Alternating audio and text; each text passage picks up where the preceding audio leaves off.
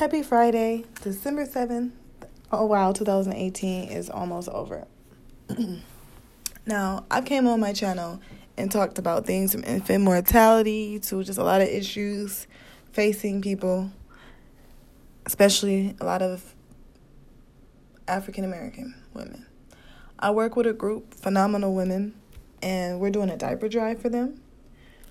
We need diapers from zero from new, newborns to zero, one, two, three, four in sizes. And I want, didn't want to just come on here to say, please donate to our cause. But if you would like to, shameless plug, feel free to send the diapers to our Miles Broadway location. That's 9127 Miles Avenue, Cleveland, Ohio, 44105. Or you can send me a message um, and we can work out how you can help. But I wanted to do an episode about the importance of giving back and the importance of understanding the need for certain things in certain communities. You know what I mean? When a baby gets a serious rash or infection, one of the most preventable ways helping heal is to change the diaper more frequently. But what if you can't afford the diapers? You know, and a lot of people, when they first are moms for the first time, they don't know how often they should change the baby's diaper, right? Because some babies can handle um, a kind of a dirty diaper a little longer than other babies. Some babies get really fussy, some have a hard time sleeping, all of these things, right? But I realized it's not because people want to be bad parents, they wouldn't often change these diapers. A lot of people don't have enough. If I have six diapers left for the re- for two or three days, or I don't know when my where my next pack of diapers is coming from, I would be more likely to try to have my baby sit uncomfortably more you know? And people say, ask questions about cloth diapers and things. Well, the thing about cloth diapers is that can be expensive as well. Diapers are expensive, period. Let's just put that out there. Um, I, the average cost of diapers can vary from state to state, but they're at least five or six dollars, even for the cheapest ones for a pack, and you may get like forty in them. And and newborns go through seem like go through diapers a lot faster. You know, you don't realize things that are issues until you talk to people with these issues. So we would like to do maybe diaper changing seminars because a lot of new we work with a lot of new moms and some of moms are young. So how to change a diaper? Diaper changing your baby's diaper may seem like a frightening task if you're a new mom, you know. And these are all things that we try to help mothers especially do because a lot of times we use words like good and bad. When I want to replace those words with effective and ineffective. Sometimes some parents are not as effective as they want to be. And the program that I work with want to help to bridge those gaps. Because most people, I've never met a person who did not want their child to be successful. And if they felt like their child couldn't be successful, usually it comes back to a self reflective thing. You know, I, I don't feel like I'm good enough. I don't feel worthy. How can what I create be worthy of anything? You know what I mean? So something as small as a diaper, changing a diaper can help change those attitudes. Okay, back to the cloth diapers the cloth diapers, which I'll probably use. People call me a hippie. But there's a, a lot of people have to pay for these services to come and get the diapers because you have to dispose of the waste properly. You know, you're not just throwing it away. You have to dispose of it a certain type of way, and that can become very costly for people who really can't afford this. Yes, some folks figured out. Um, my family's from the south, so they kind of know different techniques of what to do with the baby poop. But after a certain age, they didn't, because we used cloth diapers. My sister and I, when we were really really young, our great grandmother was very very worrisome about um, diapers you buy from the store or wipes. She made all our baby wipes. She, I think she used to use old rags, and she, I mean, she was really big about stuff like this. I don't expect all people to be as as old school as she was. You know what I mean? That's why the elders have a strong place in our community.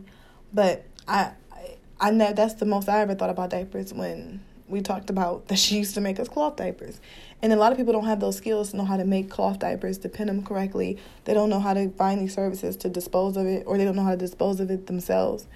So, uh, um, disposable diapers are much more realistic for a lot of people, especially a lot of our moms that work, a lot of our parents that work. This is not just a mom thing, this is for dads as well. A lot of dads have diaper parties because they know the responsibility of paying for these type of things all the time. Diapers, wipes, all of these like day-to-day things are extremely expensive. Yes, I would love to find more ways to do like biodegradable diapers and biodegradable wipes that's better for the environment, better for the planet. I'm working on that. I would love to figure out how to do that, but until until that happens, right now, what we can do is help people who need some help. I don't think anybody wants to see kids, babies especially, be uncomfortable. But I would just love to say that there's a way to help. It, it but let me explain. You know, I just, I, I just really want to say this because I feel like people put a lot of pressure on parents. Like, if you can't uh, provide these things for yourself, you shouldn't be having a be a parent. I was this one meme on Instagram or Facebook and wherever. I was on one of my social media platforms, and it said, you know, if you're going to the dollar store to buy a pregnancy test, you probably shouldn't be having a baby. I have a sense of humor, but the person that posted this, we've had some back and forth before, and so I posted the comment. So if I have if I have to buy my tampons from the dollar store or my pads from the dollar store, should I not have a period? He was like, I guess not such, no such thing as stupid. Que- I thought it was no such thing as a stupid question until you said that. No, but I'm saying that's kind of an argument of eugenics, right? And eugenics does not just mean black people or brown people. It also means social economics. Margaret Sanger hated poor white people. It's this idea that because you can't afford certain things, you don't deserve to be a parent. You can't provide your child with the necessary th- necessary things. And I do not 100% agree with that. I believe that it's a it, you have the best plan you could have to have kids, which should be financial stability. But some of us, no matter how hard we work, can never achieve the stability that some that we really need to have a child. If you really looked at the the economics of it, if you have your baby in the hospital and everything, it's extremely expensive. And most people don't make enough to pay rent. Minimum wage is not enough to pay rent. So I don't understand why we're saying parent, you know, your body can naturally make a baby. And it's like I said, it's not that I didn't have a sense of humor. And I also feel like pregnancy tests at the dollar store work just as well as pregnancy tests from anywhere else. And you'll, like, um, my one friend bought a Clearblue pregnancy test. They were like fifteen or twenty bucks. I'm like, get out of here. That is insane. And she wanted to buy more than one because she wasn't. Uh, the results weren't clear. I bought her one from the dollar store. It said she was pregnant with no problem. And now JoJo is nine years old.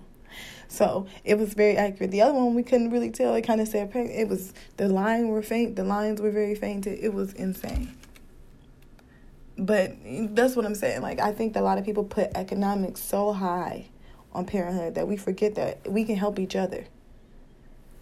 Not saying that people need to take advantage. Everybody always thinks it's going to be that person that takes advantage of somebody and does all these things to manipulate the system. That that could be anywhere it's a person at your job who does less work than everybody else. I mean, you still come to work, don't you?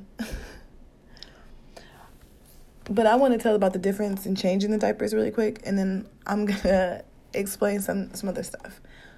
So, how to change a diaper is very similar. Um, a cloth diaper versus uh, a regular diaper, very similar.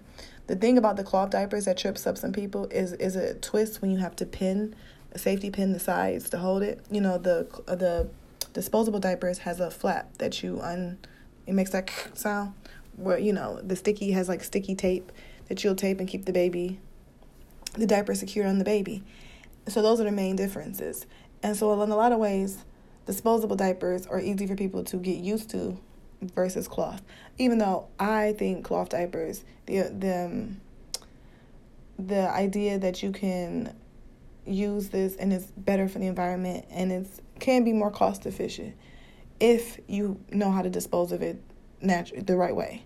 If you use compost, it's usually a lifestyle for people who use cloth diapers. But um, there's a website, www.greenmountaindiapers.com, where you can find more about cloth diapers. So, um, how often a, per- a mom or dad, a parent, an uncle, guardian, whatever, how often a person should change a diaper is often the question I get from new moms. And according to the data, I'm on a website, AmericanPregnancy.org. And this is the first year of life changing, um, the first year of life, changing the diapers, what I clicked on. Babies urinate approximately 20 times a day for the first several months of their life. It can get incredibly expensive and exhausting if you try to change your baby's diaper every time they use, every time they went poo poo or pee pee. you want to change your child every two to three hours. But is it always necessary to wake up a baby for a wet diaper? That depends on the situation. But let's just think about that. Every two to three hours, every two to three hours for the first year of life, how expensive would that be? Even people who work full time jobs, a mom, dad, grandma, everybody in the house working. There's so many other expenses. This is, you know, it's it's insane. Excuse me. And the reason why it's important to change it every two to three hours, not necessarily every, and think about people who want to change their baby every time they went because they don't want their kid to be uncomfortable. They can be paying even more. Okay, so the acid content of the bowel movement may irritate your child's skin and should be changed as soon as possible once once the baby um, is awake. For instance, if a sleeping baby, and that means if your baby takes number two. If your baby poops, you're gonna have to change the diaper a lot more than if they just did number one, if they urinate. And what if you're I'm sorry to give all these what if scenarios, but I'm not a parent, and everybody listening may not be a parent, but that doesn't mean they don't want to help. I hate how they people think single people are just selfish and whatever else. We care about people's problems too, and but people should also care about our problems. You know, my problems may not be diapers; it may be figuring out how to repurpose a bathtub or something, you know, something single people do who are still trying to make it in our society. So, but um, let's think about if you have a baby that has diarrhea or any, because babies poop a lot, especially in the first couple of years. First couple of months, first couple of years, babies are growing a lot. And you don't have enough money to buy a pack of diapers every time because your baby had things like diarrhea or something like that would you want to hear any baby being uncomfortable like that? That's why we did this diaper drive. And that's what made me think of the responsibilities of parenthood. Like, I see why more millennials now, I always turn this back to my generation, but I feel like my generation is oftentimes dragged through the mud on every type of data analysis I read. Millennials are waiting later and later to have children. Millennials are not getting married. Millennials are not doing these things. We see how expensive they are, and no one's willing to help you know, our parents set us up for whatever. And when things didn't go that way, we have to figure it out ourselves, and people want to blame you for the circumstances you had no control over. I'm sorry. I do not. If minimum wage was up to me, people will have a decent live. People can make a, diff, a decent wage. They can be able to afford an apartment off minimum wage. You know, if they got married, two people together should be able to have a decent amount to afford groceries and a place to live and a car every month. They should be able to have these things afforded to them no matter where they work, as long as they are working. And that's just not the world we live in. I just have a problem with that, which is why I work with groups like Phenomenal Women. I've worked with groups like Birthing Beautifuls in Cleveland, Black Doulas. That um, they're a group of black doulas. They specifically target the African American community because the infant mortality rate and and the postpartum issues for the mom are so big in Cuyahoga County. We have more babies for one in eight babies. For every one white baby born, eight black babies die in this, in Cuyahoga County. So, Birthing Beautifuls will help all pregnant women, but specifically, they're trying to lower that number of infant mortality. Our babies are not making it to their first birthdays. Black women are dying in childbirth than anyone, more than anyone else. A black woman with her master's degree is more likely to die in childbirth than and lose or or lose her baby than a white woman who dropped out of high school and smokes is more likely to go home healthy with a healthy baby than a black woman who's educated.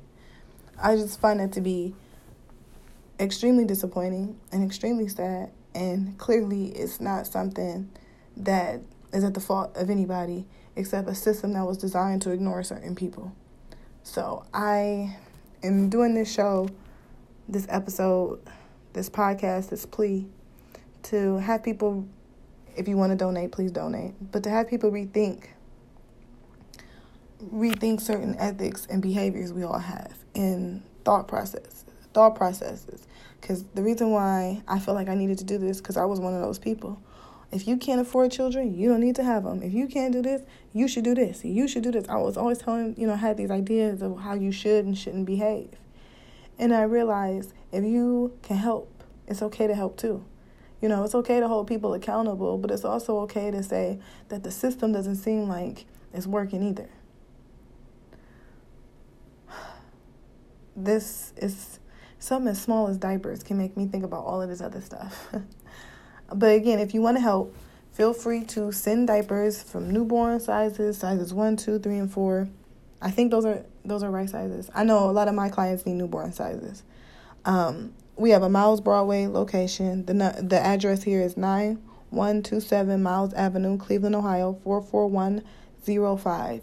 If you have any questions, you know, you guys can look me up on Instagram, Twitter, Facebook, CatMar502, or just my first name, Katherine Martin, first and last name on Facebook. Or feel free to send me some messages here if you have some other ideas on how I can help, anything like that. Feel free to join the conversation. If you want to criticize or have, because I don't want to say criticize, because I know it's a complete conversation to everything. I'm kind of not in the mood for that right away. Let me get some diapers and stuff first before you tell me why this isn't a good idea or a bad idea because I understand we can have the entire conversation. You guys know I'm down to do that.